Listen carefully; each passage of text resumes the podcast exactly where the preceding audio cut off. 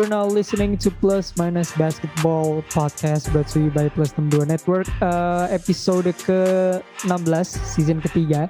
Jangan lupa untuk dengerin episode 15. Uh, beberapa hari yang lalu ini minggu ini back to back episodes.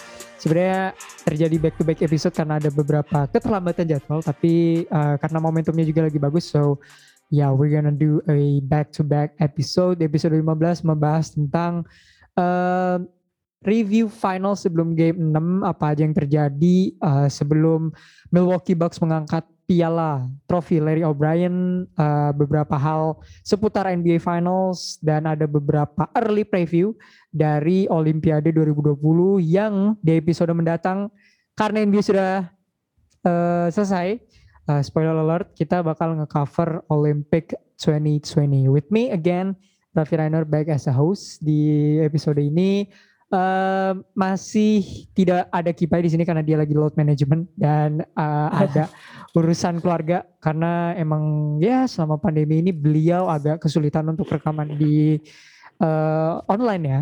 Sementara kalau rekaman offline dia selalu hadir 24/7 dan di episode hari ini tidak ada Jibril juga karena sama load management juga. Uh, ya sebenarnya dua-duanya urusan keluarga kebetulan Jibril juga ada. So Uh, ini episode pertama di podcast ini tanpa uh, this trio karena gue Kipai dan Jibril tuh udah mengisi sejak dari awal episode 4 season pertama. So ini kayaknya pertama kali tidak ada mereka berdua. But uh, as a replacement we got Raditya Adi Pradana. What up? What up, baby? Yes sir. Um, just two of us ya, seperti lagunya Grover Washington ya. Uh, so yeah, how's everything? Ya wa walaupun baru beberapa hari ya, tapi iya. Ya yeah, how's everything man? Ya gini-gini aja lah. Gimana kan? Kalau malam mental illness, kalau pagi ya gitu-gitu aja hidup. Kalau malam mental illness, kalau pagi anxiety. Jadi iya.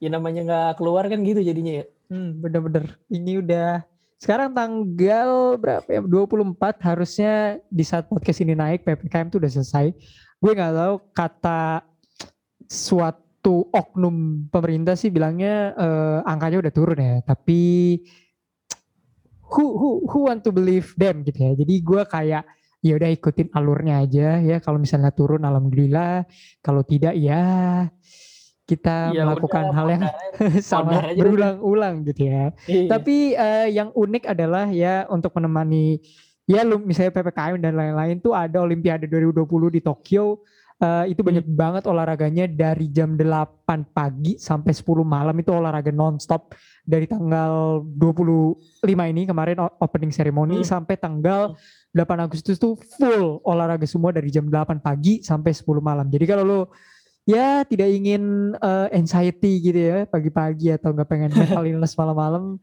Mungkin lo yang dengerin bisa nonton Olympic 2020 di Tokyo. Kemarin tuh ada ininya ada opening ceremony-nya. Gue gue nonton kan bagus banget. Uh, hmm. walaupun pandemi tidak ada supporter tapi ya Jepang lah ya uh, negara maju di Asia. Iya Jepang. Selalu hmm. menghadirkan beberapa elemen-elemen menarik di dalam seremoni mereka. Ya kalau misalnya lo yang dengerin itu juga uh, penggemar Jepang-Jepangan tuh banyak banget elemen yang masuk itu ada manga, ada game, ya ada beberapa hal yang sangat Jepang banget lah gitu. Jadi lo bisa nonton di di mana ya? Di video.com. Itu langganan aja tuh. Ada 20 30 ribu tuh satu bulan ya daripada lu nonton uh, di TVRI atau di Indosiar yang komentatornya berisik lu bisa nonton di video.com. So ya yeah, uh, itulah dari Olympic tapi gue udah bilang tadi lastly kita terakhir membahas tentang NBA Finals. So NBA Finals is over dan menghasilkan Milwaukee Bucks sebagai juara National Basketball Association pertama kali sejak 1971. Itu tuh pas banget 50 tahun yang lalu ya. Karena Abdul hmm. Jabbar sama Oscar Robertson yang juara. Dan Bucks in Six, Giannis Antetokounmpo menjadi Finals MVP.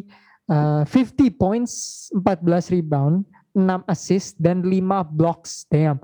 Jangan lupa 17 dari 19 tembakan free throw. Uh, what's your take uh, Radit from the game 6 of NBA Finals 2021? Seru banget sih, seru banget. Abis itu pas lihat apa Giannis ngedominasi dari awal sampai akhir 50 poin. Terus mm -hmm. kayak wah itu gila banget sih. Kayak Dia jadi kayak ibaratnya sekarang udah yang raja tuh udah bukan LeBron lagi gitu. Waduh. Pas dia pas dia udah maksudnya dia udah ngedekarisin dirinya gitu. Yes. Oke. Gua gue bisa loh. Gue bisa loh champion loh. Gue bisa loh. Gitu dia udah kalau menurut gua karena LeBron juga udah mulai tua kan ya. Mungkin nanti tahun depan juga bakal lebih ini sih, lebih asik sih pasti nanti kita lihat kalau pada nggak cedera. True, true, true, true. Karena kan salah satu apa ya, kenapa playoffs musim ini dalam tanda kutip agak hambar tuh karena beberapa star kan cedera kan. Karena kan kita pengen nonton star player ketemu star player gitu ya. Tapi ya Nah, iya. eh, justru banyak beberapa pemain, jadi pemain-pemain besar banget ya yang cedera kayak LeBron, AD, Kyrie, Hmm. Harden, Hmm, who hmm. else ya? Kawhi Leonard jangan lupa dia juga cedera. Eh, Nikola Dan eh, cederanya lama kan ya. Buat Iya, tahun dan- buat tahun depan pun dia bisa setengah musim ya. Ah, Kawhi Leonard tuh akan akan absen sampai paling cepet ya, paling cepet tuh Christmas Hmm. game Desember tuh dia balik. Paling lama ya Hmm. Februari. Lumayan sih ya, Mhm. lumayan panjang tapi ya eh ya semoga cepat sembuh untuk pemain-pemain yang cedera. Back to the topic, so, gue juga setuju ngelihat Giannis wah gila banget kayak yang kata lu bilang dia dominasi banget ya. 50 poin gila, bener-bener di quarter saat walaupun beberapa saat Bucks tuh agak tersendat-sendat tapi pas mereka udah nemu touchnya tuh dapat momentumnya di babak kedua. Kan menuju babak kedua tuh kan seri ya 7-7 sama. Gas langsung Giannis satu tuh nggak ben- bener-bener nggak ada yang bisa berhentiin. Dan Asli, bener dah. satu hal yang sebenarnya Suns lakuin kan eh, memaksa Giannis untuk nembak free throw ya. Salah Ya. satu hal yang sebenarnya dia dalam playoff ini dan selama karirnya Giannis itu dia lemah kan di sini. Katanya. Tapi Tiba-tiba ya. cuman miss dua kali loh hebat banget Iya, dan gila dah. miss dua kali tuh bukan dia nembak 6 per 8 atau 5 per 6 ini 17 per 19 gila Masuk semua ya. iya masuk iya semua. hampir masuk semua kita nggak usah ngomong Gila masuk sih. semua deh ya Eh, anggap aja kalau udah masuk semua itu udah udah dia udah dewa lah ini kan miss dua gitu 17 per Iya. 19 menurut gue itu udah aneh sih dia dia udah udah dia udah aneh sih kalau kayak gini jadi ya gue kaget kan karena setiap free throw-nya gue kayak oh paling masuk satu kan biasanya free throw dua kali masuk satu satu lagi nggak masuk loh ini masuk Mm. terus sih kan gue lihat-lihat ini orang masuk terus belum lima blocks beberapa kali ngeblok Michael Bridges ya chase down block Mhm. Eh ya banyak Dia lah banyak banget kemarin bloknya 5, ada 5 kalau nggak salah. lima lima blok eh, dia. bener-bener lima Hmm. Blok lima blok enam assist ya all, all around play banget lah semuanya dia dia tancep defense offense Hmm. scoring rebounding assist ya dia gila lah jadi ya 50 ini gue bacain lagi start line-nya 50 poin 14 rebound 6 assist 5 blocks dan plus Mm-mm. minusnya itu plus 20 eh plus 10 ya 17 dari Mm. 19 free throw Finals MVP untuk Giannis ya Mhm. Dan apa kemarin kan episode kemarin kan gue nyebutin Bobby Portis kan. yes Nah, kemarin di game 6 Bobby Portis mainnya bagus banget. terbaik Dia kalau nggak salah 17 poin kan ya? Dia Maksudnya- itu pemain setelah Giannis dia dia pemain kedua yang nyetak banyak Iya kan? poin. Yep. Scorer juga kan dia. Jadi scorer juga kan. 3 point masuk. Ke dalam masuk dia. Wah itu kemarin Bobby Portis oke banget sih. Bener-bener bisa dia maksudnya bantu banget. Nge-Bucks tuh kebantu banget tuh sama Portis kemarin. 16 poin tuh. 16 poin, 3 rebound, 1 blok. Lumayan lah. Untuk ukuran Bobby Portis sih menurut gue gue kaget ya ngeliat ngeliat Iya. game itu tuh pas Bobby Portis uh, on fire gue langsung mikir apa yang lu kasih tahu kemarin ya. Kalau uh, orang kayak Bobby Portis tuh ya udah nyekor aja, rebound aja. Iya, Yang penting lu uh, kontribusi untuk menang dan bener anjir. bener kan? Eh, di, Bener kan? Gila ketika ada tuh orang. Holiday, ada Middleton, ternyata top scorer keduanya setelah Giannis tuh Bobby Portis Enggak, gitu gue. Middleton dulu, Middleton 17, Bobby Oke. Portis ketiga 16. Ya beda dikit lah. Ya, beda dikit Middleton lah. dia. untuk untuk seorang Bobby Portis tuh menurut gue keren lah keren maksudnya ini Iya. orang kan selama apa ya selama gue gue yang setahu gue seorang Bobby Portis kan selama karirnya tuh dia dikenal sebagai mantan pemain Chicago Bulls dan orang yang Iya. nonjokin Nikola Mirotic kan dulu Iya, iya. gitu terus dia Ah. dibuang gitu ke Bucks ya seneng sih ngeliat ngeliat dia pas di habis press conference dia tuh seneng banget ya Hmm. dia bilang gue sekarang tuh NBA champion tuh gitu. siapa yang mau uh, underestimate gue gitu terus selalu mau apa gue NBA champion gitu gue gue gue seneng banget sama confidence dia sih keren banget keren keren tapi ya uh, all praise uh, goes to Giannis lah ya Hmm. udah pasti Finals MVP Iya, iya. Ah. Ini em, untuk mengclarify aja ya. Gue bacain resumenya Giannis Antetokounmpo sebagai pemain di usia 26 tahun ya. Dia pernah dapat Most Improved Player tahun 2017. Dia back to back MVP 2019-2020. Eh, jangan lupa di tahun yang sama ketika dia menang MVP musim lalu, dia dapat Defensive Player of the Year ya. Lima kali All Star, lima kali masuk All NBA, rinciannya tiga kali first team, dua kali second team. Multiple times All Defensive Team. Dan sekarang dia dapat Finals MVP dan NBA Champion. Dengar dari resume seperti itu, Giannis nih menurut lu a legend in the making nggak? Iya sih, dia bisa jadi the next big thing sih. Walaupun dia tuh kemarin pas press conference dia ngomong kan ya, apa kayaknya gue udah nggak mungkin deh menang di Milwaukee lagi, kayaknya gue bakal mau masuk super team nyari tiga ring dua ring lagi gitu kan. Ya mungkin, ya mungkin kalau misalkan itu dia serius nggak bercanda ya, kalau misalkan dia itu serius, mungkin dia dia juga bisa kayak jadi kayak LeBronnya NBA, the Hmm. next big thing, bener-bener the next.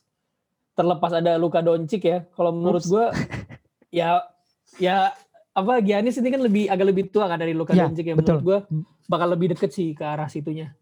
Luka Doncic juga tim timnya kan masih belum terlalu kebentuk juga kan. Benar. Untuk di playoff dia kayak masih belum bisa lah. Untuk dua tahun ke depan masih belum. Masih Giannis masih yang megang Hmm. sama KD kan. Oh, Itu sih.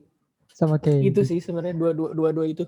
Oke, oke. Tapi tadi lu udah nyebutin super teams dan lain-lain ya. Hal yang gue salut dari orang itu sebenarnya dia sempat bercanda juga. Mungkin lu lihat di press conference yang sama, dia bilang kayak gini. Gue tuh bisa aja ke super team. Karena kan kemarin dia free agent kan. Eh, banyak yang Ah, iya, banyak itu. banget yang mau Iya. nge-trade termasuk tim favorit gue Hmm. Miami Heat. Eh, ngejar Giannis nggak dapet terus gue akhirnya agak potek dia stay di Milwaukee Eh, kontrak Hmm. terbesar 4 tahun 4 tahun atau 5 tahun juga dibilang gue tuh sebenarnya bisa aja ke super team gitu tapi gue percaya sama Milwaukee gitu. Gue harus ngebayar rasa kepercayaan itu dengan menandatangani kontrak lagi dia bilang kayak gitu. Mm-mm. Dan banyak banget orang yang underestimate gue kata Giannis. Eh, lu ngapain sih main di sini lu nggak bakal dapat championship? Gue juga lihat, eh, gue juga denger di musim lalu, termasuk di podcast ini sebenarnya kayak gue questioning Giannis ini kenapa sih stay sama Bucks gitu? Karena kan Bucks itu Hmm. dikenal sebagai tim yang small market lah, bukan Iya, di kota besar gitu kan, bukan tim yang Hmm. reputasi juara. Walaupun di di sejarahnya pernah diperkuat sama pemain-pemain besar, tapi agak questioning. Tapi ya gue seneng aja sih ngeliat apa ya, eh lu tuh juara nggak harus dari cara yang dalam tanda kutip instan gitu. Kayak ya apa yang dilakuin misalnya sama Hmm. LeBron atau KD gitu ya, atau Curry. Mm-mm. Eh kayak lu kapan sih terakhir kali ngelihat tim ya yang bener-bener nggak ada status superstar gitu? Kapan sih terakhir kali? Paling yang gue tahu ya itu Dallas Mavericksnya Dirk Nowitzki pas banget 10 Nah, tahun itu, yang lalu. Itu, itu ya, itu gila sih itu. Ah, itu kan Mm-mm. itu lawan LeBron kan pertama kali dia di Iya. Miami Heat ya. Um, Iya. Dan sekarang Giannis gitu. Bener-bener kalau bisa dibilang Holiday sama Middleton tuh superstar gak sih? Enggak juga gitu. Walaupun mereka all star tapi paling levelnya tuh star atau borderline star gitu. ya. Tapi yang gue pengen tanyain ke lu Iya. tuh untuk ke depannya lu, lu ya lu vision seorang Giannis nih dia akan menjadi uh, one club man gitu ya kayak Dirk Nowitzki, kayak Kobe, kayak Tim Duncan atau dia bakal jadi model kayak uh, LeBron ya atau kita nggak usah ngomongin KD deh misalnya LeBron atau ya beberapa tim yang eh beberapa pemain yang ngejar main di tim besar gitu suatu saat bersama pemain-pemain yang selevel dengan dia gitu membuat super team gitu lu ngelihat Giannis nih orangnya dia tuh ke depannya bakal stay gak sih di Milwaukee Bucks 20 tahun gitu ya misalnya 18 tahun atau Waduh, lama It- banget tuh. in some point dia akan pindah ke Lakers, ke I don't know Nets, ke New York Knicks karena kan dia suka banget New York kan. Eh, yang gue denger-denger gitu ya. Tapi lo visionnya dia ke depannya seperti apa nih? Ke mana dia? Mungkin dia bakal ya nunggu 2 tahun, tiga tahun dulu sih. Kira-kira Bucks ini sel- selain apa? Selain trade yang udah dibuat tahun lalu ini kan, Mhm. apalagi nih Bucks mau ngambil apa lagi nih? Kalau misalkan emang menjanjikan the next 2 tahun, tiga tahun, mungkin dia bakal stay. Kalau tapi kalau cuma kayak tahun ini abis itu tahun depannya jelek tiba-tiba atau gimana, gue sih ngeliatnya bisa 2 tahun, tiga tahun dia bakal keluar sih. Nggak lama. Maksudnya nggak lama dari kontraknya itu. Alright, Kalau menurut gue sih itu. Hmm. Kalau menurut lu gimana Ray? Well, iya gue juga setuju karena eh kayak kita ambil sampel siapa ya? Kobe Bryant deh. Kobe kan Hmm. lama ya di Lakers tuh 20 tahun lah. Eh kalau Hmm. ngambil apa yang to extend your point gitu ya. Misalnya Giannis habis Bucks menang kering gitu ya nggak nggak ke Hmm. final lagi nggak ke apa mending ya gue kalau jadi Giannis ya pilihannya dua lu mau patient ya atau lu ya capek gitu sama tim lu. Kan kita lihat juga eh, ke depannya Giannis tuh tergantung sama ini sih front office-nya dari Milwaukee Bucks. Apakah eh, Iya. ibaratnya lu udah bayar besar Giannis lu mau dengerin Giannis atau enggak sih? Atau lu Hmm, misalnya ya udah tim ini gua yang ngatur lu diem aja gitu lu main aja gitu. Kan banyak kan front office yang kayak gitu yang uh, gue Hmm. bayar lu tapi lu udah main aja gitu. Tapi ada juga front office yang gue bayar lu besar lu kasih input ke gua lu mau apa nanti gue build tim around lu gitu. Sama kayak orang-orang tim-timnya LeBron lakuin ke dia lah. Kayak Miami Heat lu Hmm. butuh apa sih? Kayak Lakers. Ayo LeBron lu butuh apa? Nanti gue gua ngikutin apa yang lu mau gitu. Ngikutin apa yang pemain bintangnya nggak mau. Ya gua nggak tahu sih selama Milwaukee ini eh, front office-nya gimana tapi yang gue lihat karena mereka berhasil jadi juara setelah lima- Hmm. 50 tahun itu kan nggak nggak bukan waktu yang sebentar men gitu kan Iya. jadi Iya lama banget itu. ya lu building around Giannis aja eh kalau misalnya dia gue setahu gue Giannis nih orangnya nggak sebawel LeBron yang butuh A B C D atau kayak KD Hmm. dia cuman Mm-mm. eh, butuh orang yang tepat kayak gue bilang di episode lalu. Yang penting tuh membuat championship tim Milwaukee itu lu butuh puzzle yang tepat aja, eh, orang yang tepat di saat yang tepat. Mungkin ke depannya Giannis, oh mungkin Brook Lopez terlalu tua, gue butuh center atau big man Hmm. yang lebih qualified. Mungkin kayak gitu aja menurut gue cukup sih. Jadi ya Iya. gue sih ngeliat karena ini orangnya humble eh, dan down to earth banget, nggak Hmm. begitu apa ya, dalam tanda kutip star syndrome gitu ya. Karena Iya, dia datang dari Yunani, keluarga yang bisa dibilang sangat miskin. Jadi gue melihat sih Giannis lama sih di Milwaukee ya. Hmm. Bisa Hmm. 15-18 tahun lah kayak tim Duncan tuh. Itu kan 20-19 tahun tuh di Spurs ya. Dirk Jadi masih ada pemain yang bakal kayak gitu masih ada ya ternyata. Eh, menurut kalau di era kayak gini ya, kalau kita ngomong di Ah. era kayak gini tuh, eh, gue, gue suka banget sama pertanyaan lu. Eh, seharusnya tuh harusnya nggak ada ya pemain kayak Giannis. Iya. Tapi gue melihat Curry sama Lillard masih bertahan di timnya mereka.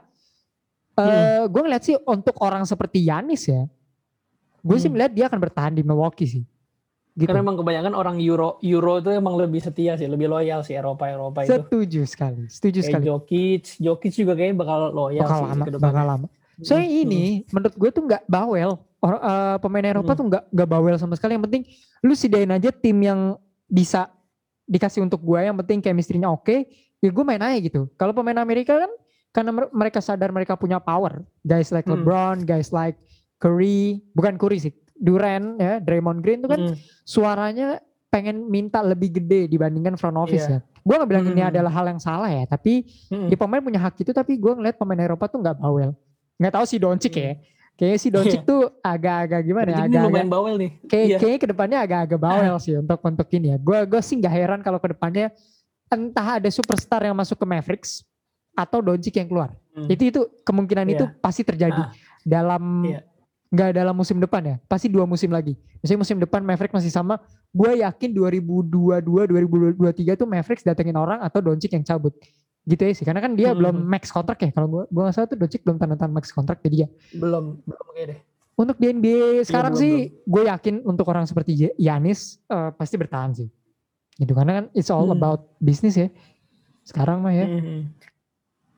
Cuma kan dia pernah bilang ini kan apa? Dia nggak bakal pergi kalau belum championship di Milwaukee. Tapi kan sekarang udah nih. Ya siapa tahu dia mau Siapa pindah kan maksudnya kita juga nggak tahu kan. Betul betul betul. Iya benar benar benar. Siapa tahu kan. Cuman gue salut aja sih sama Yanis tuh kalau lu mau cari banyak banget kan pemain NBA yang datang dari em, keluarga-keluarga yang tidak mampu lah. Let's say LeBron gitu ya. Eh, single parent ibunya em, dan banyak-banyak pemainnya bahkan ada di penjara sekalipun Butler, gitu. Butler. Butler, John Wall, Butler, Hmm. LeBron tuh menurut gue Hmm. adalah dua sosok pemain yang bener-bener start from the bottom. Tapi Giannis ini menurut gue yang bener-bener apa ya? Kalau LeBron kita udah tahu lah dia punya apa ya bakat gitu. Ibaratnya Hmm. eh, apa ya? Ya gue nggak bisa mendiskreditkan kerja kerasnya LeBron ya. Tapi anggap aja LeBron tuh eh, dalam tanda kutip malas-malasan aja. Tetap aja ada tim yang mau dia gitu. Hmm. Kalau Jimmy Butler dia eh, ya udah menurut gue ya, menurut gue Butler tuh akan mentok sampai sini gitu sebagai pemain. Tapi Giannis ini gue ngeliat perkembangannya dia wah gila-gilaan banget. Dari fisik ya permainan dan lain-lain tuh menurut gue ini orang bener-bener definisi kerja keras tuh Giannis sih menurut gue bayangin lu dia Hmm. dulunya sama keluarga itu jual DVD bajakan men. Di jalanan Yunani gitu ya. Dan ada cerita yang lucu sih dari Giannis nih yang pernah gue denger tuh dia pas pertama kali masuk ke Bucks kan lu dapat gaji kan dan untuk seorang Giannis dapat gaji berapa ribu dolar kan udah udah gede lah. Nah itu duitnya dia kasih semuanya seluruh luruhnya ke keluarganya dia. Nah dia kasih ke keluarganya di transfer terus dia nggak bisa pulang di jalan kaki dari stadionnya Milwaukee sampai ke rumahnya tuh di jalan kaki saking dia duitnya ditransfer semua Jadi juga suka banget sih sama Giannis maksudnya Family man juga ya, family man parah. yes man beneran dah dia dia tuh kalau udah kemarin kan dia live IG ya Eh, ya. Hmm. pokoknya dia kalau sama anaknya sama pacarnya sama keluarga itu dia leket banget bahkan orang pertama yang dia dia itu kan kemarin juara ya terus yang Hmm. di FaceTime pertama kali itu bukan keluarga besarnya tapi si kakaknya Thanasis ini Iya, yang karena kan ya. Thanasis kan lagi covid protokol kan Ah, nggak bisa ah. ikut nggak bisa ikut parade eh, Hmm. di situ jadi ya gue gue suka banget sih sama Giannis Hmm. legend in making lah menurut gue seorang Giannis ini Iya iya. The next big thing dia udah. yes yes benar-benar ya Hmm. dari apa ya eh superstar kan kita tahu dia flop apa enggak kan dinilai dari kesehatannya dia menurut gue Giannis Hmm. nih ya kemarin aja dia hyper extended knee kan masih bisa main Iya. ya. jadi gue ngeliat kayaknya dia bukan injury prone dia kerja keras juga jadi ya the next big thing lah paling dekade ini ya gue gue berharap si Luka ini tidak terjadi apa pun yang yang buruk lah. Ya paling gue bisa melihat rivalitas antara kedua ini sih. Trae Young mungkin. Tapi Giannis nih umur 26 dia udah punya resume kayak gini sih. Eh gue kalau jadi front office sama Milwaukee gue ngelakuin apa pun untuk untuk Giannis Iya, sih. lah harus lah itu ya. Hmm, like like anything gitu. LeBron Mau- aja LeBron aja baru menang umur 28 29 kan ya kalau nggak salah tuh. betul 9 butuh Sama 9 gitu. tahun. Butuh 9 tahun Iya. LeBron tuh juara gitu dan dia kan Hmm. di Cavs kan bener-bener nggak dikasih kelolosan kan teammate-nya Iya. bapuk ya kan di Cavs pertama kali tuh Eh, dia bener-bener nggak dikasih apa ya nggak dikasih teammate yang memadai lah front coach Heeh. front office-nya nggak nggak ini nggak nggak ngedengerin dia Ya, tim wajar jilik akhirnya- lah, tim, tim jilik main di NBA lah. Tim kampus tuh gue rasa bukan jilik lagi Iya. terus ya udah akhirnya dia pindah ke hit ya understandable lah dia mau dia Hmm. udah jenuh ya yang yang pasti Milwaukee jangan sampai ngelakuin hal sama ke Giannis sih itu yang, itu yang paling penting Iya. menurutku. Hmm. Hmm. ya udah core-nya udah bagus Holiday Middleton syarat banget Holiday itu ah gila banget sih menurut gue dia tuh kemarin berapa ya 4 steal apa berapa gitu di game 6 tuh bener-bener Devin Booker di lock abis Chris Paul di lock abis bener-bener Milwaukee tuh sadar wah anjir ini udah game 6 ya kan kalau misalnya sampai game 7 juga bisa ada kesempatan kalah dong apalagi di kandang kan Iya. game 6 ya udah habisin pas gue suka banget Cuma gimana gitu Holiday tuh tainya tuh oke deh defense-nya bagus tapi tiba-tiba ntar offense-nya ya jelek lagi jelek lagi nggak, nggak konsisten dia kadang bagus kadang jelek kadang bagus kadang jelek cuma yang pasti setiap game dia defense-nya bagus sih Itu. sih itu Iya. itu garantinya sih cuman kalau Hmm. Giannis kering ya mati sih itu kalau iya, mati kemarin jadinya. itu kalau nge Giannis nggak 50 poin tuh Suns menang yakin gue. kalah itu kalah kalau itu Giannis free throw-nya kayak biasa tuh waduh soalnya Suns tuh Ah, bagus kalah cuman memang Hmm. Giannis ini emang emang emang bangsat gitu 50 poin Shaquille O'Neal Shaquille O'Neal dia main bener dah semua gila digeser semua digeser. 47 persennya poinnya Bucks Giannis yang yang nyet, nyekor gitu 47 48 persen jadi hampir setengah poinnya kan Hmm. gila sih tapi kalau balik ke Hmm. Holiday ya pemain-pemain Holiday Middleton Tucker ya yang dulunya apa ya bukan siapa-siapa gitu Middleton tuh dulunya di G-League Tucker tuh dulunya main di ya main di Eropa main di Timur Tengah ya gue suka banget sih ngeliat Iya. tim Bucks ini kayak dulunya mereka tuh bukan siapa-siapa ya kayak Bobby Portis ya ya Hmm. gue gue gue seneng lah ngeliat mereka tuh uh, they came out of nowhere gitu tapi ke depannya menurut lu Bucks akan seperti apa karena kan banyak yang bilang dua tim ini termasuk sama Suns Bucks sama Suns oh mereka Mm-mm. hoki nih karena ketemu lawannya pada cedera semua bla bla bla bla gitu ke depannya menurut lu apa yang dibutuhin sama Bucks in order mereka bisa bersaing melawan tim-tim yang kayak Nets ya? Kalau misalnya healthy apa yang Hmm. Bucks lakuin Eh, ngambil orang kayak apa siapa biar supaya mereka bisa compete sampai final lagi gitu? Mungkin kalau menurut gua dia tuh perlu shooter sih. Yang waktu kemarin Bogdan Bogdanovic itu kan gak jadi tuh. Padahal gue kan waktu itu kan pernah jadi kan pas jadi itu gue kaget tuh anjing nih Bucks bahaya nih tahun ini nih. Tiba-tiba nggak jadi kan terus ya ya gue gue udah kayak oh berarti Bucks nggak terlalu bahaya lah bisa bisa eh ternyata anjing menang juga kan maksudnya cuma kalau buat berkompetisi di tahun depan kayaknya bakal shooter itu berguna banget sih kalau mereka punya shooter. Entah siapa pun, pokoknya yang bisa three point, bisa apa gitu. Jadi biar nggak di Middleton semua gitu Mhm. buat offense-nya. Itu sih. Sama center ya paling center yang lebih atletis daripada Brook Lopez lah seenggaknya. betul. Ya Kalau menurut lu gimana?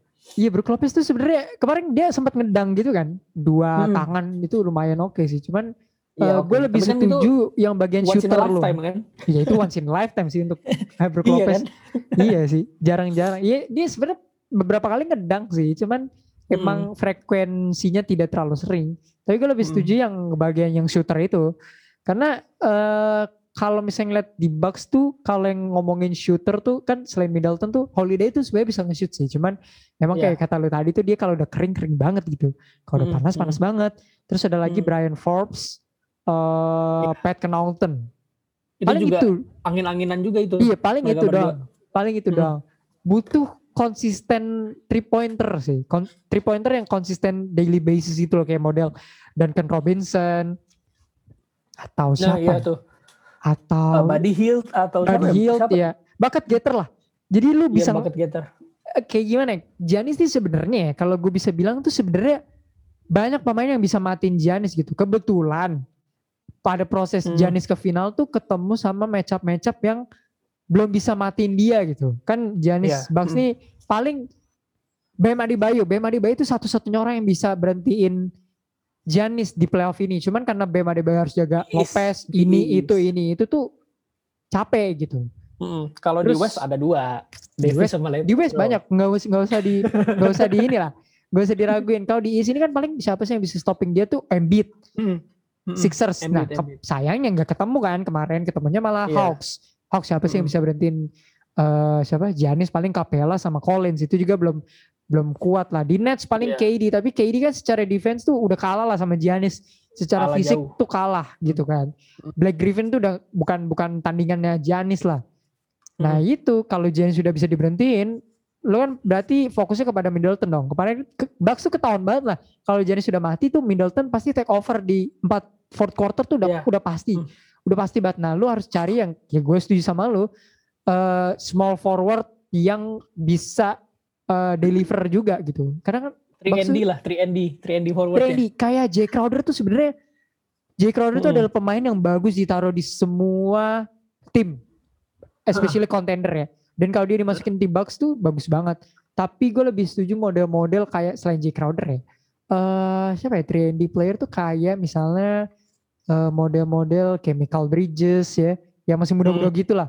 Hmm. Atau Udah model mahal itu, Mikal mah udah mahal itu. Markif Morris tuh juga bagus kok dimasukin ke Bucks ya model-model kayak gitu lah karena small forward mereka tuh kemarin siapa ya? Small forwardnya PJ Tucker kalau nggak salah. Itu kan Mm-mm. em, apa ya? He's a good knockdown shooter lah. Tapi kalau misalnya dari yang apa yang lu bilang tadi sih bener-bener bucket getter, pemain yang bener-bener multidimensional scorer lah, bukan bukan mm, mm. satu dimensi doang, bukan yang cuman Mm. corner three ya atau catch and shoot, bener-bener bisa kayak Middleton gitu, tapi lebih tinggi dikit gitu, sama defense-nya lebih bagus dan lebih konsisten. Ya emang banyak mau sih sebenarnya cuman ya itu Bucks tuh butuh orang itu. Jadi nanti Brook Lopez bisa digeser jadi six man. Giannis bisa Giannis sebenarnya mainin di center deh. Jangan dimainin di Iya. power forward. Coba lu mainin Giannis di Ah. center menurut gua akan lebih bagus sih. Eh, rotasinya ya untuk spacingnya juga untuk Bucks lebih bagus. PJ Tucker mainin di power forward. Nah lu cari aja small forward kayak model-model Jay Crowder gitu itu pas banget gitu untuk untuk Iya. Uh, atau kayak Jeremy Grant. Nah itu tuh kayak gitu tuh. Bucks tuh yang kayak gitu. Konsisten 3D player lah. Itu sih. Iya, iya. Well, itu untuk Bucks. Uh, congratulations once again untuk Milwaukee. Um, well, mereka tuh sebenarnya emang dari awal tuh seharusnya udah championship contender ya. Cuman karena kedatangan Hmm. James Harden, uh, Joel Embiid dan Sixers yang sepertinya kuat di awal-awal musim tuh Bucks tuh jadi agak overshadow. Belum Iya. lagi mereka Mm. musim lalu kan dibantai ya sama Miami Heat. Jadi orang-orang ah nggak mungkin lah, nggak mungkin lah. Tapi ya man, congrats untuk Bucks dan jajarannya Coach Bud ya Mm-mm. dipertahanin sih. Walaupun orang bilang apa pun yang terjadi musim ini Coach Bud dipecat, menurut gue jangan. Coba Iya, pertahanin jangan. dia udah dia udah dia udah buat adjustment yang bagus lah jangan lah lu lu eh, chemistry lagi kan pelatih baru kan berarti eh, model play baru lagi. Nanti Iya. Janis nggak cocok lagi sama coach baru kan. Jadi ya Hmm. mending uh, pertahanin lah coach Bud di di extend gitu ya. Uh, Phoenix Suns uh, tim yang sebenarnya udah mediocre dari lama banget ya. 10 tahun tuh mereka Mhm. udah memediocrekan diri. Bahkan gue sempat lihat tuh tahun lalu tuh ada ada video ya. Eh, video NBA tapi galau gitu. Eh, bahasanya kayak gini. Eh, buat lu eh buat gue lu adalah playoffs, buat lu gue adalah Phoenix Suns. Jadi nggak akan ketemu gitu loh. Cewek sama cowok Hmm. gitu. Phoenix Suns sama Hmm. playoffs tuh nggak bakal ketemu. Tapi akhirnya mereka ketemu dan sekalinya ketemu tuh Suns ke final gitu ya Iya. despite despite tim-tim di barat cedera uh, menurut gue ya tim yang sehat adalah tim yang melaju ke final gitu ya. The best team ya adalah Suns gitu. Tapi ya akhirnya mereka kalah ketemu tim yang lebih sehat Bucks. Hmm. menurut lo Hmm. uh, apa yang lo lihat dari perjalanannya Phoenix Suns selama musim ini? Musim ini gila sih maksudnya Monty Williams juga sekarang jadi lebih di respect sama orang. Chris Paul juga makin di respect lagi. Devin Booker juga dan tiba-tiba yang kayak Cameron Payne tiba-tiba jadi kayak Allen Iverson juga orang jadi pada kaget kan? Jadi menurut gue ini Suns sih eh, lumayan banget sih maksudnya. Bisa bisa apa melaju sampai sejauh ini tuh ya sebuah anugerah sih. Kayaknya nggak bakal lagi sih Suns bakal naik lagi Oh. mau tahun berapapun. Kalau Oke. misalkan semuanya kayak ini itu cuma ya kalau cedera semua begini kan cuma ada berapa tahun sekali kan? Nggak mungkin dong setiap tahun kayak begini kan. Apalagi tahun depan West juga pasti bakal bakal gencar-gencarnya sih bakal banyak perubahan juga sih adjustment kayak Lakers kayak Clippers mungkin walaupun hilang Leonard mungkin ada banyak lah maksudnya prospek-prospek kayak Luka Doncic walaupun sekarang kita belum ngelihat kan Mavericks kayak apa. Cuma ya kita lihat tahun depan mungkin bisa West tuh bakal lebih seru lagi sih. Kecuali kalau Chris Paul pindah dari Suns ya. Ya kalau misalkan Chris Paul tiba-tiba pindah cabut ya gue nggak tahu sih Suns bakal masuk playoff malah apa kagak gue juga nggak tahu oke ya kita lihat aja nanti Tapi kan ini Menurut tim gue yang sudah pengalaman ini nih di tahun ini ya. Hmm. Mereka udah dapat Mhm. pengalaman lah si pemain-pemain muda ini.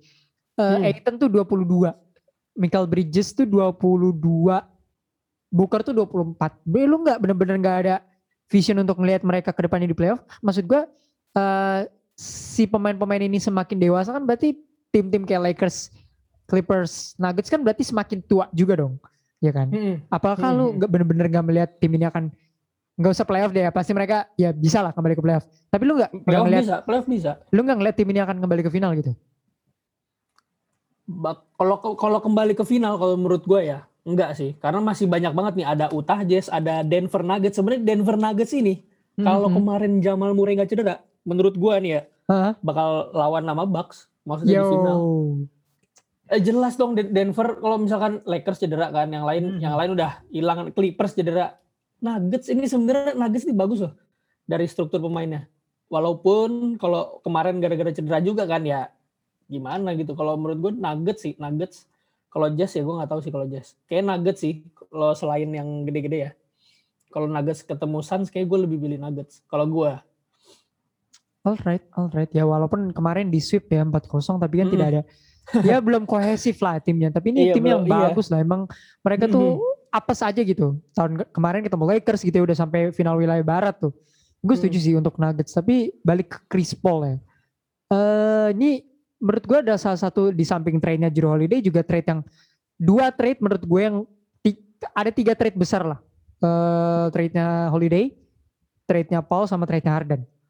Di Iya. samping dari tiga trade itu, dua trade ini berhasil memunculkan dua tim ke final. Holiday sama Bucks dan Paul sama Suns. Hmm. Well, menurut gue, Paul ini, eh gue gak tahu ya. Apakah kayak lu tadi dia akan pindah atau tidak. Apakah dia akan ambil player optionnya dia dan tanda tangan kontrak lagi. Karena Paul ini kan kontraknya gede banget ya. Mohon Hmm. maaf gitu. Sebagai pemain itu dia gede banget gitu. Ya walaupun nggak top 3 tapi dia tuh top 5 pemain termahal lah di NBA gitu. Rockets tuh waktu itu berusaha untuk menyingkirkan Paul karena gajinya emang gede. Belum lagi ada Harden kan. Tapi Eh, kontribusinya juga nggak top 5 kan, Bel. Harganya doang yang mahal tapi kontribusinya juga nggak nggak sebesar itu loh sebenarnya nggak sih? Chris Paul. Hmm, Chris Paul. Well, menurut gue kontribusi dia gede banget gitu.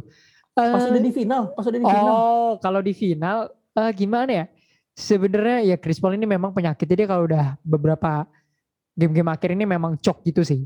Tapi menurut gue the fact that Suns ke final Cuy, lu gue udah pernah ngomong sih Ya, di itu, beberapa itu Chris episode Paul dulu ya sih. sih. Isi- Itu all Chris Paul. Eh, sih. lu take out Chris Paul deh. Take out Chris Paul aja. Iya. Gak usah pemain Ah. lainnya. Chris Paul aja keluar dari Suns. Hmm. Menurut gue Suns Hmm. tetap akan ke playoff tapi nggak akan sejauh ini gitu. Karena Iya iya.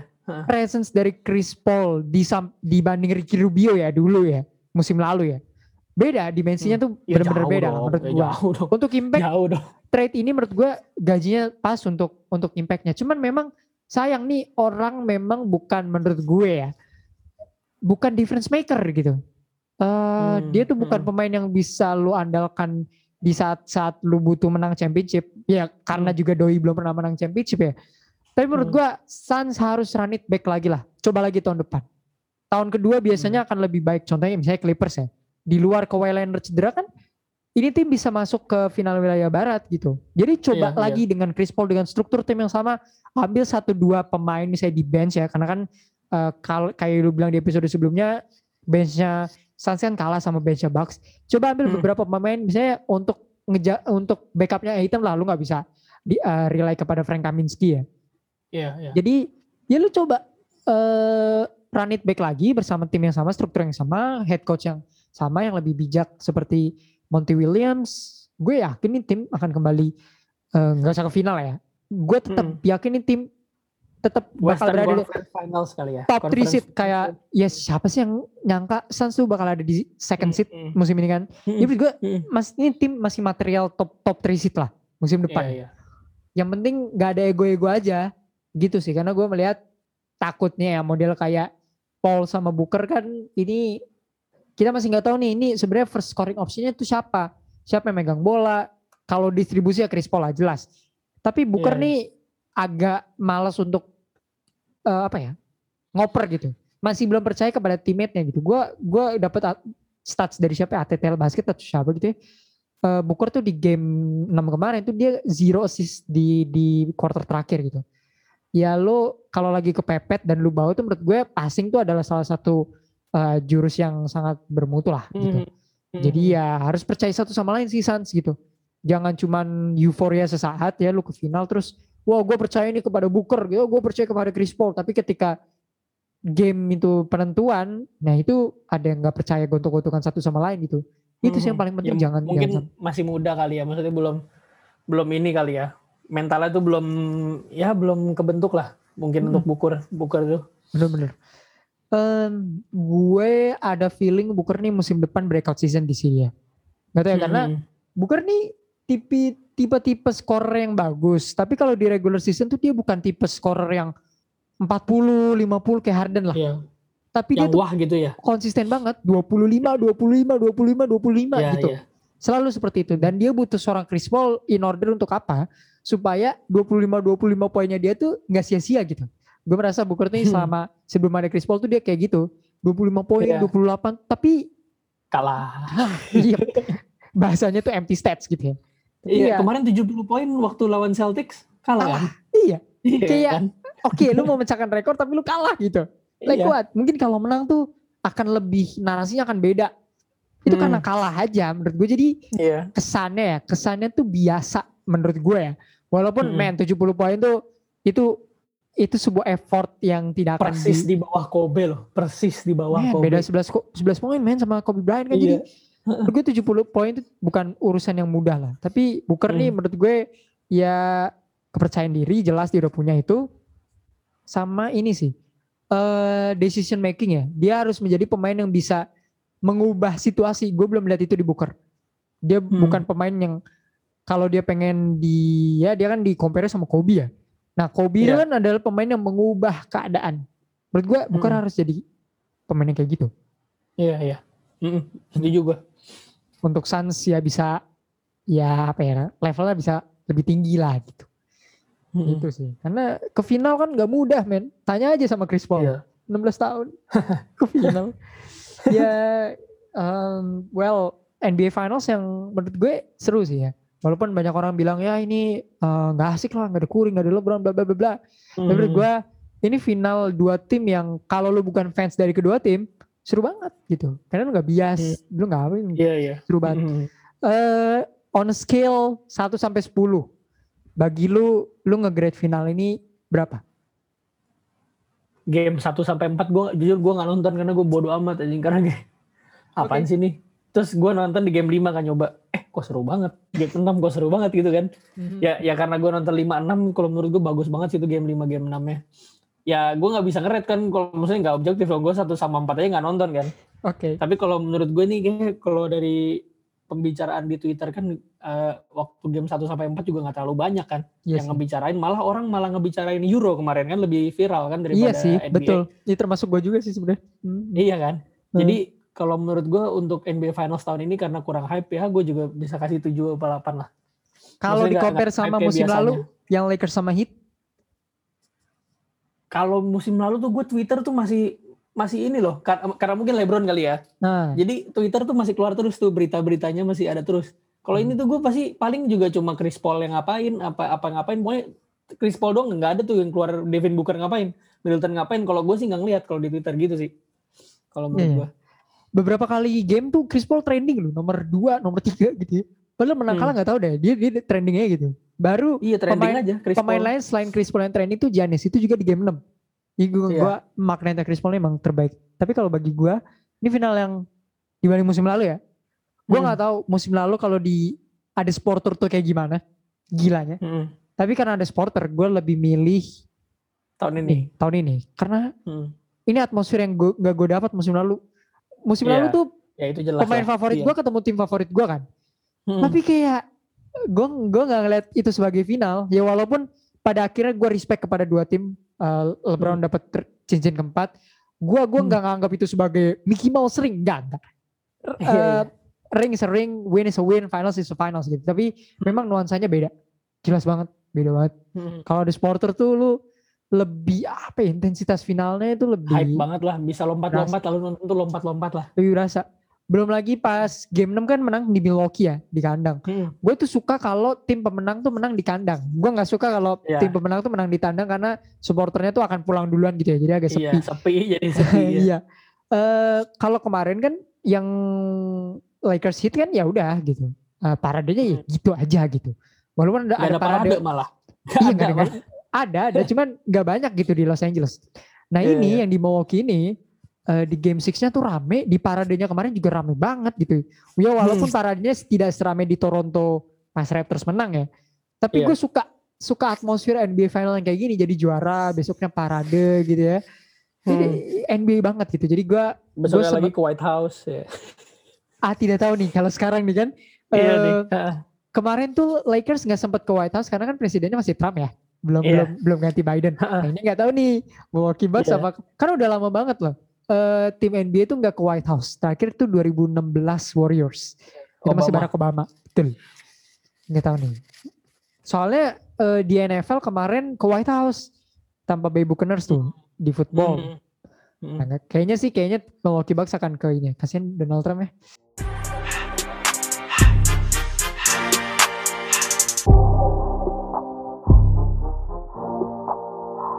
Let's talk about best moments ya di playoffs musim Hmm. ini. Uh, semuanya udah selesai. Uh, kita nggak perlu bahas lebih jauh lagi tentang Bucks dan Suns karena udah banyak podcast juga yang ngebahas tentang mereka. Tapi kita ngomongin tentang best moments in this playoffs karena playoffs itu akan playoffs itu adalah sebuah dimensi berbeda dalam NBA gitu ya dibanding regular season gitu. Playoff itu memberikan sebuah permainan yang serius, atmosfernya lebih gila dan lain-lain.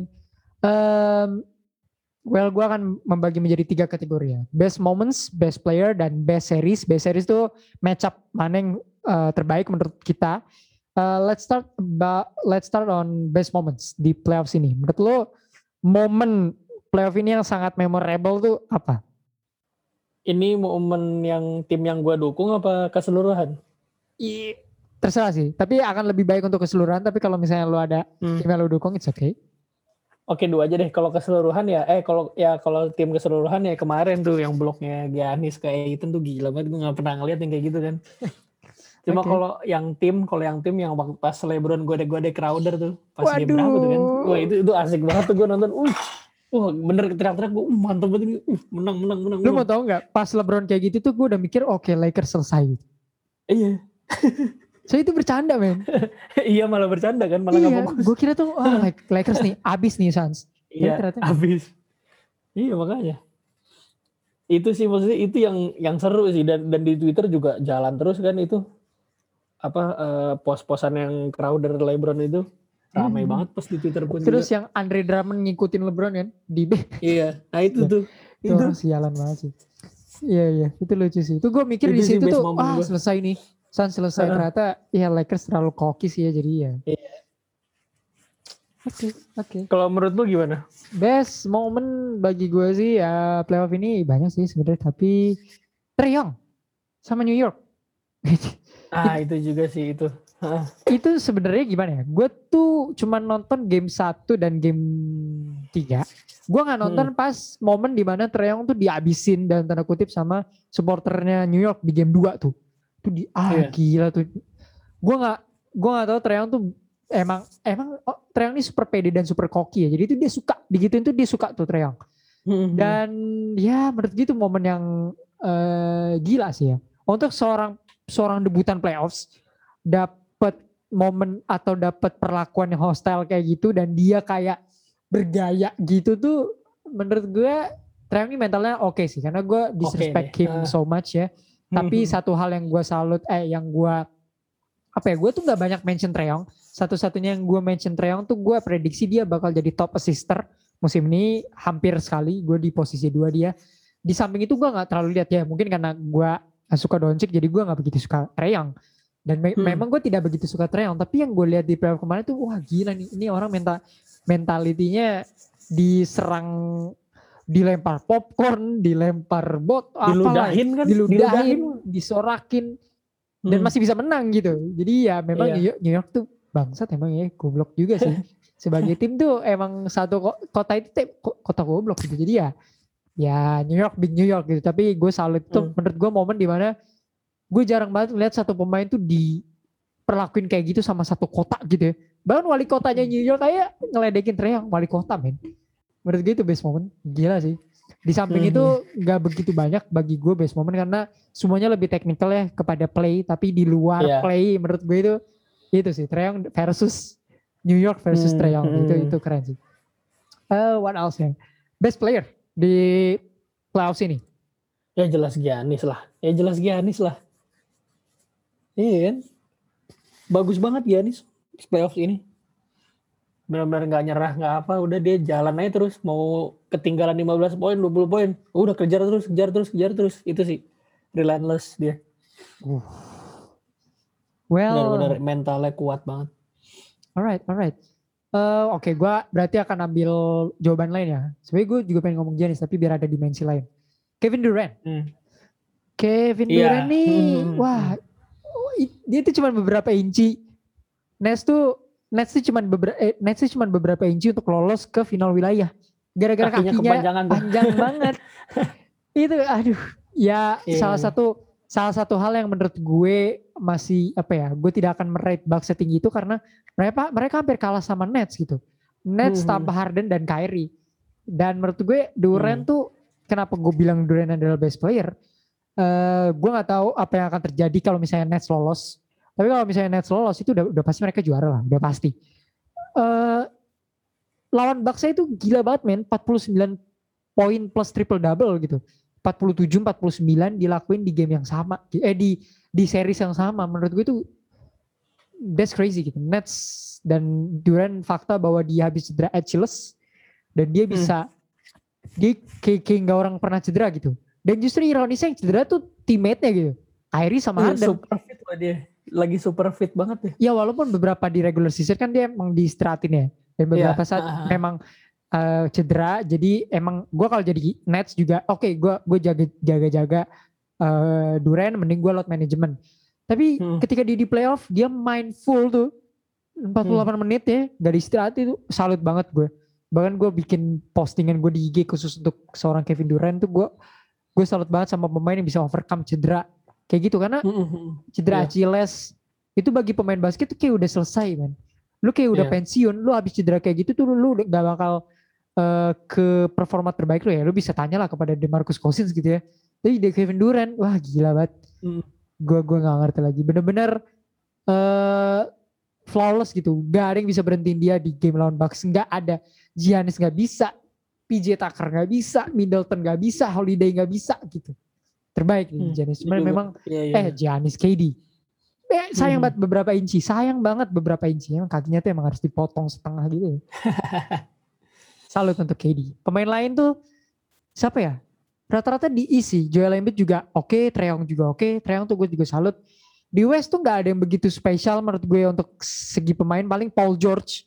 Paul George tuh menurut gue Jokic juga sebenarnya lagi breakout season ini kan. Tapi kan maksudnya Sayangnya. gara-gara ya di sweep sayang banget. cedera. Mm, Kemarin tuh dia pas di gara-gara first cedera. first round lawan Blazers tuh yang lawan Lillard di 38 triple double tuh gila sih. Cuman ya sayang banget. kalau tahun depan bisa dia bener deh. Kalau Murray kalau Murray fit ya Mhm. bisa.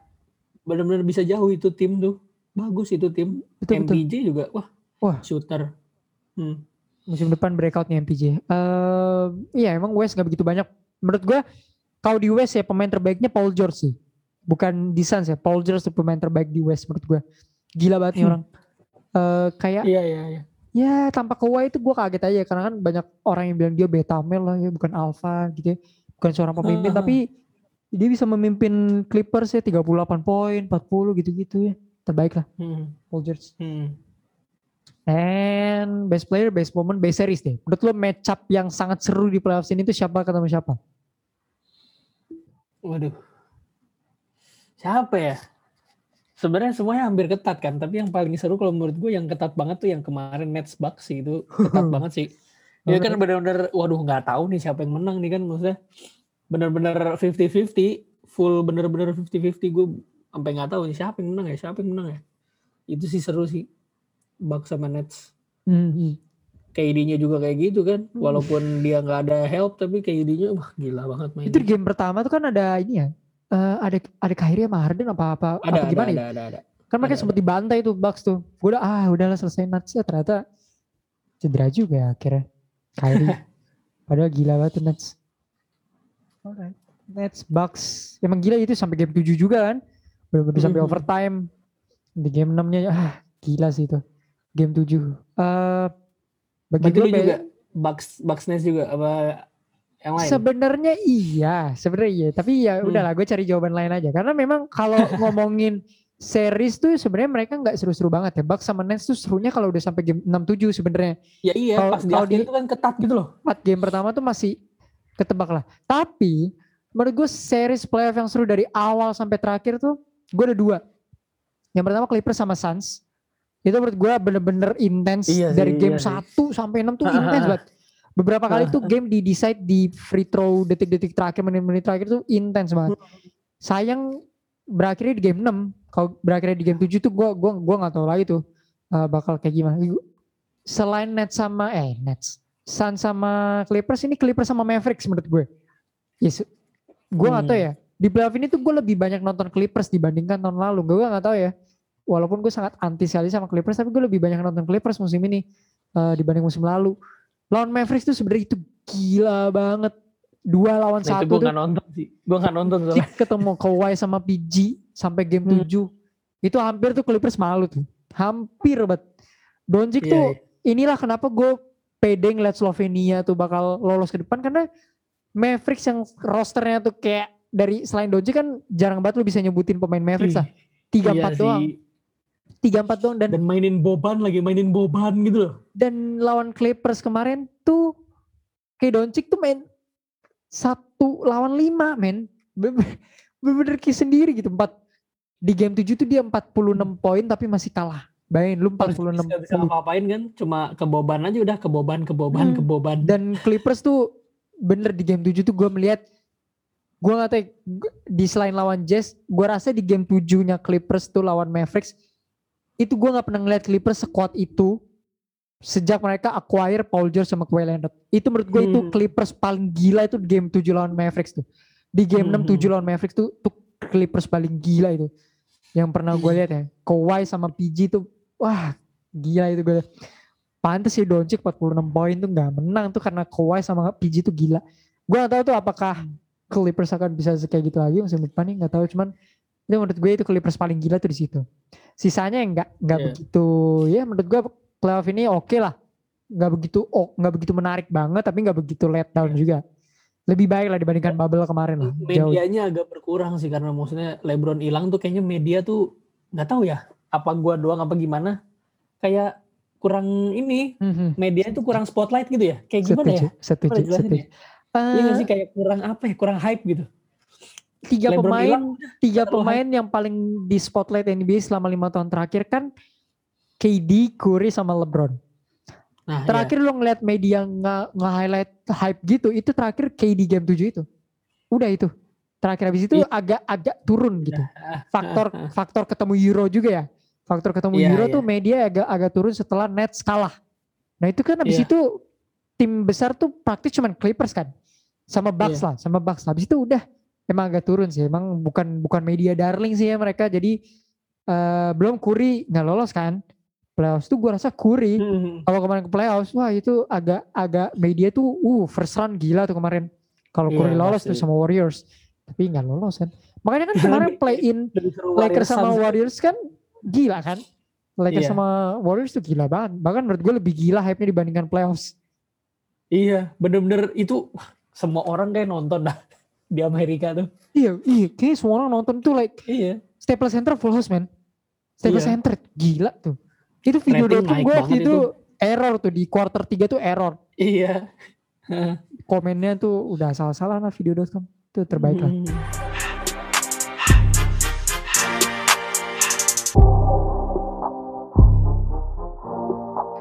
Yeah, that's it from this season ya. Uh, we Hmm. officially end. Uh, ya, kalian bisa komen di @podcast plus minus di Instagram. What is your best moments? Ya, musim ini menghadirkan banyak sekali cerita ya dari cedera lah, fans yang kembali lah. What else? Um, ya banyak banyak banget lah. Banyak cerita dan 2020 2021 menurut gue adalah salah satu musim yang bisa kita kenang ya. Karena setelah musim yang sulit, musim lalu ya pandemik dan segala macem, Kobe died, uh, and so on and so forth. Akhirnya kita dapat musim yang ya walaupun jadwalnya lebih singkat ya, lebih padat pemain-pemain cedera, tapi as a fans, gue sangat enjoy lah. Maksudnya kan kita udah ya musim lalu udah sulit lah, nggak ada fans ya, semuanya lu ngeliat pemain-pemain juga kayaknya homesick ya di bubble dan sekarang lihat ya walaupun ada protes-protes dikit cuman uh, isn't enjoyable season. Iya, iya. Menuju musim 2021-2022, uh, we're not gonna talk a lot about it karena gue udah nyiapin ini untuk season setelahnya. Tapi kita akan ngomongin early aja, early early moves, uh, apa yang kita bisa prediksi, apakah ada beberapa rumors, beberapa karena abis ini minggu depan free agency, belum ada lagi NBA draft, so movement movement di summernya akan decide karena uh, di NBA ini satu move aja bisa memenangkan lo championship. Contoh, Milwaukee Bucks dengan Drew Holiday. Uh, what is the interesting rumor yang lu denger selama let's say 2 sampai satu minggu ke belakang ini? Siapa ke mana? Atau siapa yang akan di trade? Atau siapa yang akan tanda tangan ke suatu tim? Ya karena gua ngikutin Lakers dari kemarin sih itu lagi Westbrook, Lillard, apalagi yang baru-baru ini benar-benar baru tadi sore booming tuh Lowry sama DeRozan kan. Itu kalau menurut gua ya walaupun gak realistis, cuma kalau itu terjadi terjadi itu kalau misalkan bisa terjadi kayak gitu. Udah sih NBA Finals 2021 apa 2022 Lakers in four anjing. ya mau ya mau gimana lagi kalau misalkan udah ada orang itu kan tambah LeBron AD udah kelar. Mau senternya siapa dah? Senternya kasih Adi Pratama juga menang anjing. Iya, iya. Ya daripada Andre Drummond kan. Iya. Oke. oke. Tapi banyak banget sih kalau di rumorin sama Lakers tuh gue satu minggu terakhir nih ya. Oh banyak banget. Gua gua lihat tuh ada lima pemain, Damian Lillard, terus Lakers tuh katanya ngincar veteran point guard ya, Westbrook sama Chris Paul. Terus yang terakhir Hmm, nih Chris yang lu Paul. bilang ini, DeRozan sama Lowry lucu juga sih. Eh Iya. DeRozan sama Lowry kan dulu temenan di Raptors sih. Menurut lu Iya. dari dari dari lima pemain ini deh, dari lima pemain ini, kalau ada satu pemain yang bisa datang dari lima pemain ini, lo sebagai fans Lakers dan LeBron, lu suka dan paling suitable tuh siapa yang bakal masuk? Come on man, ama go Chris Paul. Oh, Best friend, best friendnya LeBron jelas dong. Ya maksudnya dia udah apa sih? Menurut gue bakal chemistry bakal enak banget sih kalau main sama Chris Paul. AD juga bakal banyak lob-lob pastinya nanti kalau misalkan ada Chris Paul. Kayak waktu zaman ada Rondo kan enak tuh lob-lobnya. Pas point guard kemarin Dennis Schroeder, aduh lobnya jarang. Ini gimana AD-nya juga kurang di ini gitu, facilitate gitu. Jadi menurut gue kalau misalkan Chris Paul, AD bakal lebih agresif lagi. Jadi kalau misalkan kita bisa ngandelin AD, itu sih kunci Lakers yang biar bisa menang. Ngandelin AD aja udah cukup sebenarnya. Sama LeBron udah tinggal just being LeBron aja udah. Mhm. Itu sih. Kalau menurut lu gimana? Kalau misalkan buat Lakers nih, siapa yang lu pilih? Ya Chris Paul lah. Dari segi Iya suitable ya. Karena dibanding paling ya, paling paling suitable tuh kalau nggak Chris Paul, Lowry menurut gua. Itu yang paling suitable. Gua nggak bisa lihat Hmm. Damian Lillard tuh bisa working out sama LeBron dan Ya, Davis. Walau secara kualitas dibanding lima pemain itu jauh. untuk jauh. musim ini, untuk untuk sekarang aja deh, Iya. Lillard harusnya. Jauh. Tapi ya gua nggak bisa ngelihat dia bermain sama LeBron atau Davis sih. Coba lu lihat di USA sekarang Lillard. Ya. Nah itu menurut nanti kita lihat nih uh, Lillard Eh. nih akan menjadi starting point guardnya USC kan. Nah dia Iya. main sama Star nih kayak gimana? Karena kan di Portland mainnya gimana? sama Ah, si Jimmy Collum, iya, maksudnya kan dia tuh belum pernah Yusuf kan Nurkic. bener alpha kan. Betul. Dia belum pernah main kan. Selalu dia yang menjadi alpha. Selalu dia menjadi alpha. Bahkan dari Hmm. sejak rookie-nya dia tuh dia cuma butuh tiga musim untuk jadi pemain utamanya Blazers gitu. Iya. Habis Ah, LaMarcus Aldridge cabut tuh dia udah dia dari pemain utamanya Udah. Blazers Iya. sampai sekarang. Jadi gue sih nggak bisa melihat dia sama LeBron atau AD sih. Kalaupun iya, kayaknya Lillard tuh lebih suka dia kan first scoring option ya. Gue gue merasa Hmm. Lillard tuh nggak pengen jadi yang ketiga lah. Kalau kalau di Lakers kan Pasti LeBron pertama dia Lillard. Apakah- Timnya ya LeBron kan tuh pertama lah. segala macam timnya LeBron tuh LeBron is the system gitu. Bola harus ada di LeBron Hmm. dan melihat Lillard ya dia bisa aja sih jadi ya lebih off ball movementnya lebih ditingkatin lah. Jadi model-model Curry gitu. Tapi gua nggak melihat Lillard bisa cocok sih. Chris Paul mungkin ya. Karena terakhir kali gua ngeliat Chris Paul sama LeBron main kan di tim US ya, itu kan nggak bisa dijadiin sample size lah. Tapi ya Hmm, cocok hmm. aja sih. Cuman minusnya Chris Paul tuh udah tua gitu aja. Lakers tuh butuh Iya, pemain iya. yang lebih seger. Kecuali mereka bisa pertahanin Dennis Schroeder. Maksudnya kalau Chris Iya Paul sih. masuk, Hmm. gajinya tuh gede banget. Iya, Mungkin itu Lakers tuh udah ngelewatin cap space kali terus bayar luxury tax. dan kayak nggak bisa juga sih nggak nggak mungkin kayak Chris Paul ke Lakers Gue juga gak tahu kayak yang paling mungkin. murah tuh Kyle Lowry apa siapa kayak Kyle Lowry tuh. Yang paling sense tuh menurut gue Kyle Lowry sih untuk Lakers ya. Hmm, hmm, Kyle hmm. Lowry. Three pointernya lebih bagus daripada Schroeder punya pengalaman NBA champion juga. Iya. Eh gue gak tahu kalau sama LeBron dia kayaknya Dan dia lebih begitu- mirip ke Chris Paul sih. Dia mirip mirip, mirip gitu cara playing time itu mirip kayak Chris Paul dia. Hmm, dan agak kotor Defensifnya sih. Bagus. Ini Iya, agak kotor mainnya. Iya kan sama kan Chris Paul Eh. juga kotor kemarin. Bener. Ini agak kotor. Jadi ya mungkin bisa lah di, di- di- Cuman Iya. ya memang Lakers tuh butuh facilitator sih. Karena Schroeder tuh scoring point guard man. Lu kalau mau kayak lu Iya. bilang tadi kan AD butuh supply. Jawabannya bukan Schroeder gitu. Ya LeBron harus main di Hmm. point guard kalau mau supply dari AD gitu. Emang Ya Schroeder kecuali kalau mau bring back Rondo juga ya nggak tahu kan. Nah itu gue bingung tuh kenapa ya Lakers tuh ngeluarin kemarin tuh ngeluarin Rondo, Howard gitu-gitu kan bayar. Howard Iya. memang dia butuh dia dia nantang Lakers sih lu mau bayar gue berapa gitu. Kalau Rondo tuh gue agak bingung aja sih. Kenapa dia Hmm. keluar padahal dia suitable banget main di Lakers. Iya. Tapi mungkin cari tantangan kali ya. Eh beberapa rumor lain tuh ya Lillard ya. Paling kenceng sih menurut gue ngeliat Lillard sih. Dia kan emang wacananya mau keluar dari Portland ya karena Portland kan baru nih head coachnya Chauncey Iya. Billups. Eh, dari resumenya sih bukan coach yang bagus ya. Dan beberapa tim selain Lakers, Miami Heat juga eh, memburu Lillard. Paling kenceng tuh Lakers sama Heat. Cuman gue melihat, gue menurut lu like, Lillardnya akan pergi nggak dari Blazers? Eh, musim depan tuh lu ngelihatnya Lillard tuh masih berseragam Portland atau berseragam beda? Dari situasi dia sekarang ya ini Ya kayaknya kalau misalkan Lillard kalau hmm, kalau misalkan Lillard dengerin podcast ini tolonglah ke Lakers aja nggak apa-apa sumpah. Mendingan lu Nah. mending pindah aja lah. Janganlah, situ tuh jangan- nggak bakal menang lu. Jangan se- menang aja. jangan semua pemain tuh di ke Lakers dong. Mas, masa setiap semua rumor uh, goes to Lakers. kan dia dia maunya ke LA kan. Dia kan Ya maunya ada ke Clippers, LA. bro. The Clippers. Ya udah lah ngapain ke Clippers gak bakal menang juga. Bener Gitu juga loh yang udah pasti-pasti aja kalau misalkan lu ke Clippers sama aja kayak lu di Portland gitu buat apa lu pindah. Itu sih. Benar juga sih. Dan Alright. Leonard juga cedera kan. Ya lu main sama Paul George dong kayak lu main sama si McCollum anjing. Udah, stop. Parah, Stop. Eh bagus loh Chris Paul George itu masih. Iya iya. musim bagus, ini, bagus. musim depan nggak tahu musim sih. ini. Dan kalau misalkan Lillard ke Lakers ya, kalau Hmm. menurut gue rotasinya lebih enak buat LeBron sih. Jadi maksudnya LeBron tuh bisa lebih baik istirahat lah. Bisa main tuh Lillard Davis main asik banget tuh pasti. Main di dua itu. ya Lillard sama lebih Davis tuh istirahat. duet gila sih. Iya. Pas nanti playoff baru LeBron dar dar dar dar dar. Uh, mantep tuh. Mm, Bener-bener bener. Wah gila sih itu trio. Tapi sayang juga sih Iya. kalau nggak dapet ring ya. Soalnya ketemunya Nets. Iya. Ih, siapa lagi ya? Kawhi Leonard juga di apa ya? Gosipin pindah. Eh, destinasi ter terbesarnya sih ya katanya dia bakal diduetin sama Luka Doncic. Katanya di Mavericks. Lillard. Kawhi, Kawhi, Oh Kawhi. Wah Iya. itu gila sih. Wah mantep itu. Kawhi itu.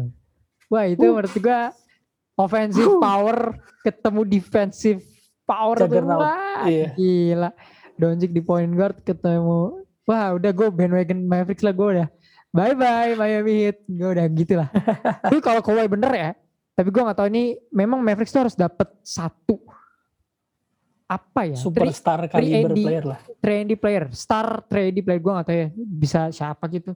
Soalnya mereka udah punya small forward bagus sih Dorian Finney-Smith. Shooting guard sih. Emang Mavericks nih butuh shooting guard yang bagus gitu. Jadi kalau Tapi mereka dapet, tuh semua rata-rata starting five-nya juga role player semua. Dorian Finney-Smith is role player. Kalau lu masukin Lakers masukin mana dia role Yeah. player anjing. Ya memang. kalau dimasukin Lakers sih memang role player. Cuman dia good defender lah. Memang untuk Ya, jangka dia panjang bagus oke lah. bagus. Tapi kalau bisa dapetin Kawhi Leonard mah why not lah. Menurut gue ya. Iya. Kalau bisa Aha. dapetin Kawhi Leonard mah why not. Dia daripada main sama Kristaps Porzingis kan. Iya. Tiang tiang berdiri aja udah. Iya benar benar. Yeah, uh, gonna be a good free agency. Gue gak tahu siapa Hmm. aja yang free agent musim ini nanti ke Hmm. depannya gue akan cari lagi lah biar biar ada kita prediksi ya satu-satu siapa yang akan pindah, siapa yang akan pindah. Eh, kayaknya untuk free agency tahun ini nggak begitu banyak ya, nggak nggak sebanyak musim lalu ya. Free agency pemain-pemainnya juga nggak begitu nggak begitu gede, correct me if I'm wrong. Jadi kayaknya tidak akan ada perpindahan yang besar kecuali ada tim yang mau beresiko untuk nge-trade ya karena kan trade itu suka kacau-kacau banget. Termasuk NBA draft nanti eh, akan Hmm. jadi salah satu yang pivotal menurut gue eh, tahun ini. Katanya eh, Rockets akan nge-trade pick nomor 2 mereka dengan pemain-pemain yang lebih berkualitas ya. Iya, terus ada lagi siapa yang mau nge-trade? Eh, picknya Thunder tuh ya. Punya segudang pick nomor eh, first round tuh deh. Mereka punya Hmm. pick-pick yang gila mungkin bisa ditukar sama pemain-pemain bintang ya. Tapi NBA draft tuh kalau nggak salah Senin ya, eh, free agency itu satu minggu setelahnya if I'm not mistaken. Jadi it's gonna be a great long off season. But eh, biasanya kalau musim udah berakhir tuh besoknya gua akan rekaman season final. Tapi karena ada Olimpik, jadi eh season ini akan officially sampai 20 episode. So untuk 17, 18, 19 itu akan bahas Olimpik. Di luar itu akan bahas juga NBA draft dan siapa tahu ada move-move di free agency yang gila juga. So Hmm. masih ada empat episode lagi ya, buckle up. Eh, karena kita akan cover Olympics dan off season juga. Banyak podcast yang libur ya. Jadi kita akan menghibur kalian untuk mengisi podcast-podcast yang libur itu guys. So ya, yeah. Eh, lastly, ini lebih ke prediksi sih. Podcast ini kan naik hari Minggu ya besok. Eh, Hmm. Olimpik tuh udah mulai. Beberapa banyak marquee matchup nih, tapi gue sebutin beberapa marquee matchup aja. Eh, mungkin lu bisa prediksi lah untuk hasilnya. Dan mungkin pemain yang stand out di game itu ya. Amerika Serikat versus Prancis. Siapa yang akan menang? Siapa eh, star of the game-nya? Wah ini agak susah sih kalau USA kan dari kemarin catat- catatannya nggak terlalu bagus kan.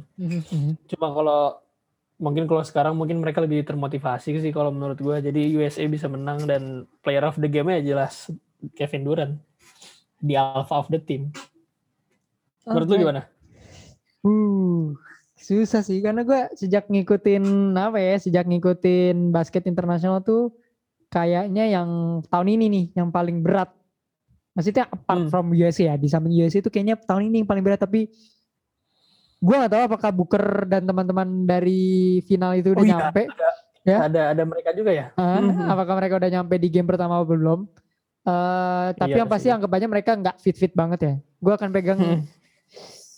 USA lah menang tipis, menang tipis kayaknya. Iya Besok. tapi menangnya juga tipis banget pasti nggak mungkin blow out. Mm, Prancis bagus men. Prancis ini lagi sepeninggal Tony Parker tuh mereka juga regenerasinya bagus. Mereka bawa bener-bener bawa tim utamanya mereka. Ada yang usianya di atas, ada usianya lagi prime, ada yang masih muda. Rata-rata usianya juga 28 tahun kan. Jadi mantang banget. Menang tipis sih. Tapi menurut gue star of the game-nya will be kalau ngeliat dari match up-nya ya. Kayaknya sih Lillard sih. Star of the game-nya. Lillard. Hmm. Lillard menurut Hmm. gue ya. Karena emang yang jaga yang jaga Duren siapa emang? Batum. Iya juga sih. Tapi Ya, seti- siapa set- yang jaga- seti- setidaknya Nicholas Batum tuh salah satu defensive player ya? forward yang Ah, iya, iya, NBA iya. player lah. Bukan Ah. pemain EuroLeague karena dimensi pemain NBA itu beda men. Kalau lu lihat ya. Iya, iya. Dengan Iya, pemain iya, iya. EuroLeague dan pemain uh, Liga Asia atau Afrika gitu. Ini beda dimensinya. Jadi menurut gue Nicholas Nicholas Batum tuh defense yang bagus. Ada satu pemain namanya dia juga mantan pemain Celtic dulu, sekarang main di EuroLeague namanya Gabusele. Ya Busele gue lupa. Ya Dia Bu pemain- Sele, ya Bu Sele. Heeh. berotot nih dia nih power forward kalau gue nggak salah. Hmm. Gue nggak tahu apakah dia akan coming off the bench atau dia akan starting lineup. Tapi ini pemain bisa matiin KD gue rasa. Dari fisiknya ya. Alah, Dari role fisiknya player. men. Dari fisiknya ya. Gue nggak tahu dia Iya. akan. Gue nggak tahu. Jason Tatum kan main juga. Jadi menurut gue eh, akan sengit. Gue nggak tahu apakah Rudy Gobert akan diobok-obok atau sebaliknya. Gue gak tahu nih matchupnya Rudy Gobert apakah Bam Adebayo atau JaVale McGee. Tapi kalau matchupnya Bam Adebayo sih it's over man. Double-double Aduh. untuk Rudy Gobert. Iya. Double-double sih. Mungkin Tapi- bakal ganti-gantian paling. USA gue menang tipis, menang tipis sih. Iya. Star of the Hmm. game-nya Lillard. Lu star of the Hmm. game-nya Durant. Duren. Durant, oke. Ya nggak jauh-jauh dari mereka berdua lah. Iya. Eh di hari pertama itu ada lagi apa ya? Hmm, eh marquee match-up-nya tuh ada Slovenia, Luka Doncic lawan Argentina. Argentina nih diperkuat sama Facundo Campazzo sama Luis Wow. Scola. Luis Scola ini udah tua sih sebenarnya udah 41 Hmm. tahun ya. Tapi menurut lo Slovenia versus Argentina? Mungkin kalau Slovenia karena kemarin gue lihat-lihat dikit sih dari senternya dan pemain benchnya tuh maksudnya Luka Doncic juga se kalau dia bau juga teman-temannya ternyata bisa shoot three point juga gitu ternyata. Betul bro. Pas gue lihat-lihat tuh kalau sekolah juga walaupun dia juga bagus cuma kalau menurut gue lebih rata Slovenia sih. Lebih apa ya? Dia tuh punya shooter banyak sih jadi lebih enak buat Luka Doncic mau ke mana aja. Kalau menurut gue Slovenia sih menang. Terus yang megang Luka Doncic. Kalau lu gimana? Ya jelas lah gampang gitu mah. Luka, Jelas ya? Jelas ya. Luka Ah. Doncic lah, Luka Doncic easy, Hmm. easy. Mainnya siang lagi di kita, jadi ya eh, seru sekali untuk menonton. Eh, Itu hari apa? Hari Senin, tanggal Oh, hari 26 Senin. Slovenia Hmm. dan Argentina dan Amerika dan Prancis itu hari Minggu. Ketika podcast ini naik ya ini lagi bermainnya. Eh, let's see siapa yang akan prevail di hari pertama ini. So Mhm. yeah, that's it from the good episode of episode 16, if I'm not mistaken dari podcast plus minus. So thank you Radit yang udah join di episode ini. Yoi sama-sama See you in uh, next episode dan terima kasih udah dengerin sampai menit ini. Jangan lupa untuk follow plus minus di Spotify, Apple Podcast dan podcast platform podcast lainnya dan di Instagram at podcast plus minus. See you guys satu minggu lagi karena supaya tidak ketinggalan di Olimpik ya. Eh, wait, satu minggu dari sekarang tuh berarti tanggal ya masih Olimpik masih group stage. Kita lihat siapa yang akan eh, flop, siapa apakah akan ada kejutan-kejutan lainnya termasuk di NBA draft. Uh, We Hmm. will back satu minggu uh, setelah podcast ini naik. So see you guys in one week. Ciao.